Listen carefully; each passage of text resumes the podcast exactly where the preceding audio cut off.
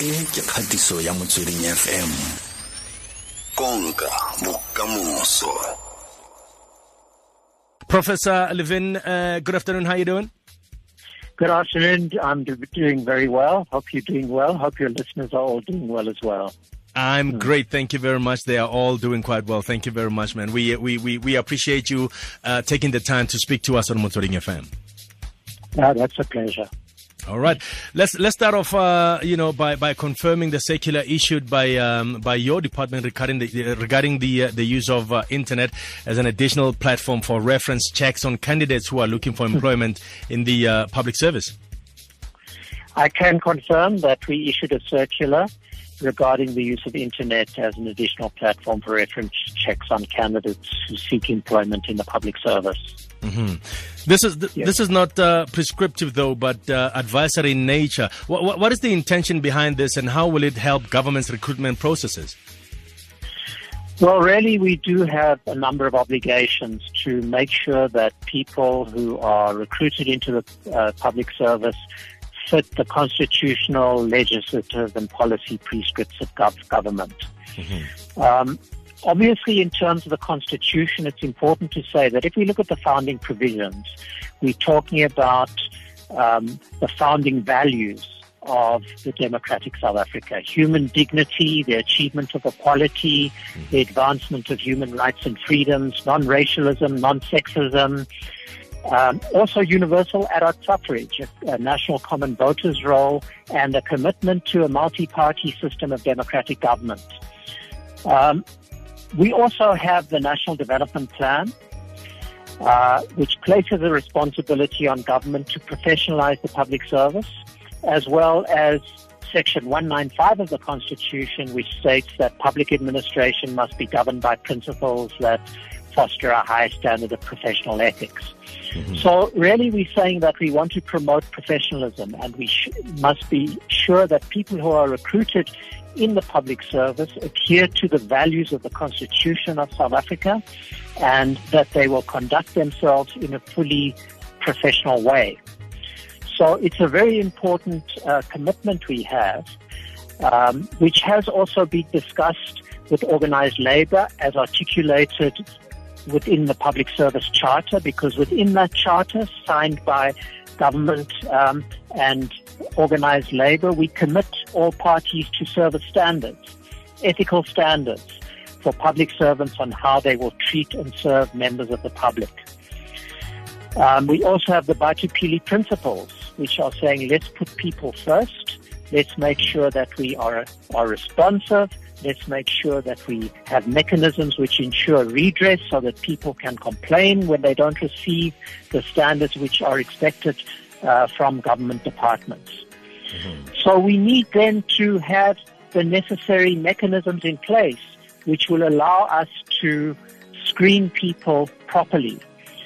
We know that the internet and social media are widely used. Mm-hmm. Um, so I think it's it's very important to say that if people misbehave on social media, if they publish uh, or they uh, release posts that are racist in nature or sexist in nature or threaten violence against members of their community, then surely those are not the kind of uh, individuals that we would like to recruit into the public service.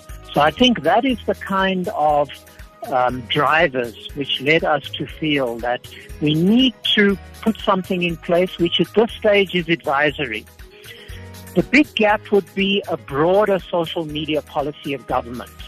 And I think once that's in place, it would be um, obviously help us um, to get a better understanding of the particular initiative we took. So we advising departments get the consent of an applicant and have a look at their social media accounts if such consent is provided. But will uh, will some of these uh, obligations, uh, Professor, not restrict the uh, constitutional rights to privacy of any individual or group of people seeking employment in the public uh, in the uh, public service?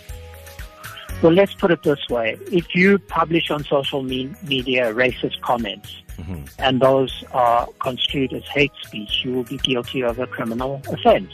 Mm-hmm.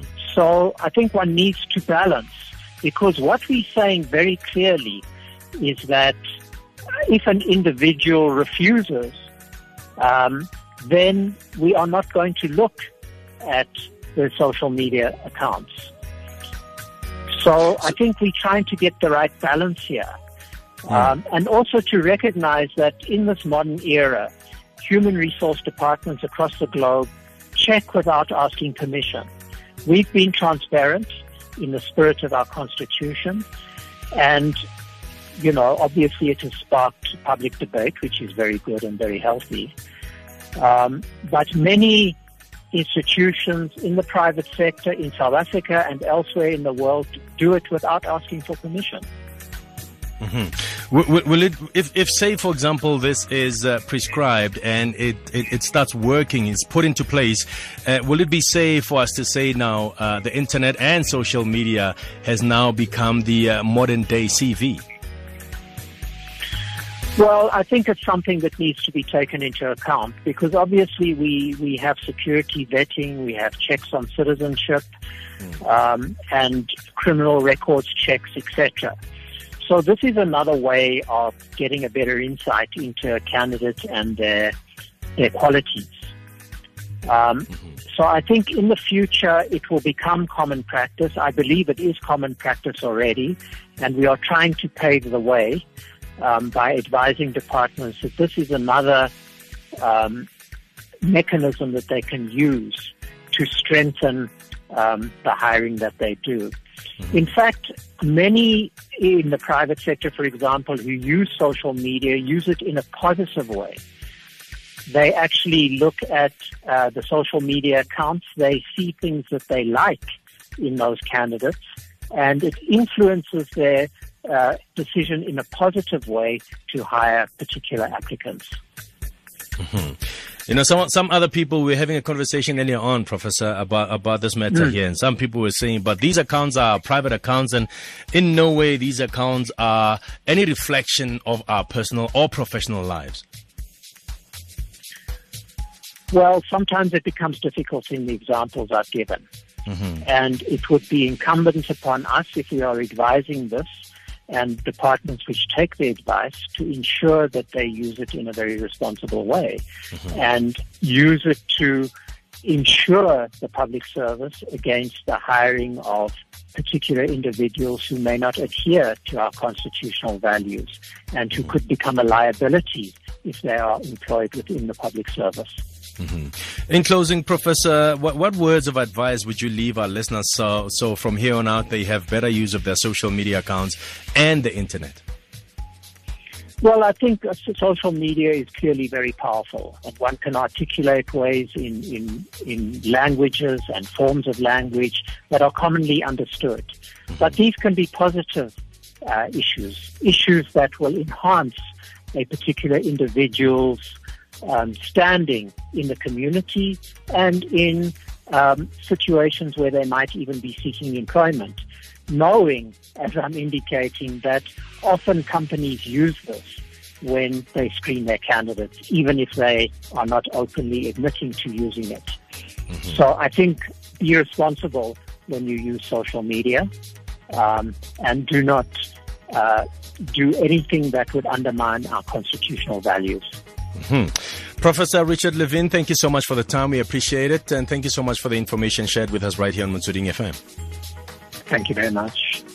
E le soma mabedi le borobedi metsotso pele ga ura ya boraro re ne re buisana le professor richard levin o e leng dg director general kana mokaedi kakaretso ko lefapheng la public service le administration jaaka tona a yanda tlotlo a kaile fa mafaratlhatlha a tile go dirisiwa jaaka mangwe a mekgwa ya go lekola bakopatiro bao ba eletsang go direla puso jaaka start a tlhalositse go na le melawana e le mentsinyana e leng gore e lebeletse gore e sekaseke kgannye e thuse thata gore fa o batla tiro ebile o dirisa mafaratlhatlha mafaratlhatlha kgotsa mafaratlhatlha a boitapoloso eh o tshwantse wa dirisa sentle e nne gore eh, ka gore mafapha mantsi a lebelela gore eh, o dirisa jang mafaratlhatlha le mafaratlhatlha a boitapoloso. Fa e le gore wa dirisa botlhaswa ke se ba se bonang ka ga wena. Mme fa wa dirisa sentle o na le tšhono e ntsi thata ya gore o ka nna modirela puso dirisa mafaratlhatlha ao sentle ao. Soma mabedi le bosupa pele ga ore ya boraro. Se ke motsweding fm konka bokamoso